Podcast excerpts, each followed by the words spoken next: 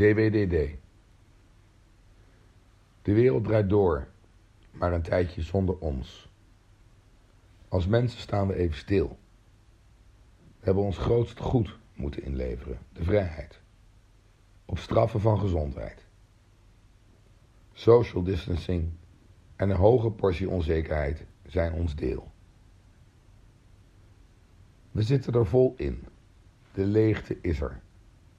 Voor de meeste van ons is er even geen druk, druk, druk. Maar zijn er zeeën van tijd. Het is stil op straat. Opmerkelijk hoe weinig dingen necessary zijn. Buiten de voedingssupply chain en de vitale beroepen zien we nu hoeveel nice to have er al in onze levens is. Er is terecht applaus voor de zorg. Maar er is gemeenschapszin, wellicht totdat er onverhoopt schaarste ontstaat. Op een enkele populistische politicus na is er vrijwel, is vrijwel iedereen constructief in de overheidsmaatregelen. De snelheid van verandering was nog nooit zo hoog. Onder druk wordt besluitvorming vloeibaar. In het onderwijs, de zorg, bij het UWV, maar ook thuis. Digitale connectie vervangt het echte contact nooit, maar is best functioneel. Nu van levensbelang en dus opeens gewoon. Never waste a good crisis. Intussen trakteert dit virus ons op een lesje nederigheid. Ondanks het persoonlijk leed dat ons allen, direct of indirect, zal raken. Als mensen hebben we de afgelopen decennia vooral onszelf centraal gesteld. Vanuit dat centrum dachten we dat we de natuur de baas waren, terwijl we er slechts onderdeel van zijn. We zijn verworden tot een eigen tribe waar vrijheid en individualisering heeft geleid tot solisme en egoïsme. Hierdoor zijn we vergeten waar we als mensen voor leven.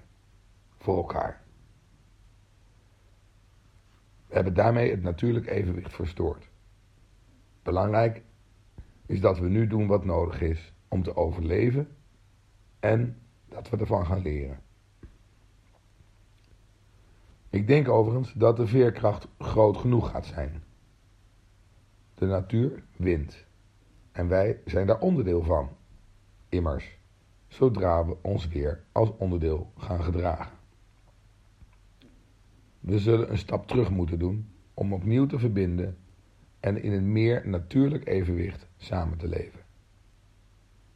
Crises als deze helpen ons daarbij. Het behelst een transitie van een oppervlakkig, gehaast, individueel en materieel leven, waarin het gepercipieerde bezit van de ander de driver is voor menig eigen ambitie naar een dieper geworteld leven met tijd voor de essentie, van waaruit je bijdrage aan gemeenschapszin de maatstaf van je geluk wordt. Deze tijd daagt ons uit tot nieuwe verbindingen op basis van openheid en vertrouwen, ondernemend en creatief, over de disciplines en hokjes heen. Meer vermogen ons te verbinden in continu veranderende omstandigheden is daarvoor nodig. Dat start met stilstaan bij de kern van onszelf. Echte kracht is de moed om je kwetsbaarheid te delen. En vanuit daar opereren met minder angst. Voorbij regels, hiërarchie en controle. Ons verandervermogen, want daar heb ik het over, zal vooral toenemen als we in staat zijn zaken als eigenbelang, oordeel en angst voor de ander weg te nemen. Geleid door de tomeloze inzet van onze naasten in vitale beroepen, dienen we vooral eerst deze crisis te overleven. De wereld draait door, met tijd voor reflectie, onderweg naar het nieuwe ons.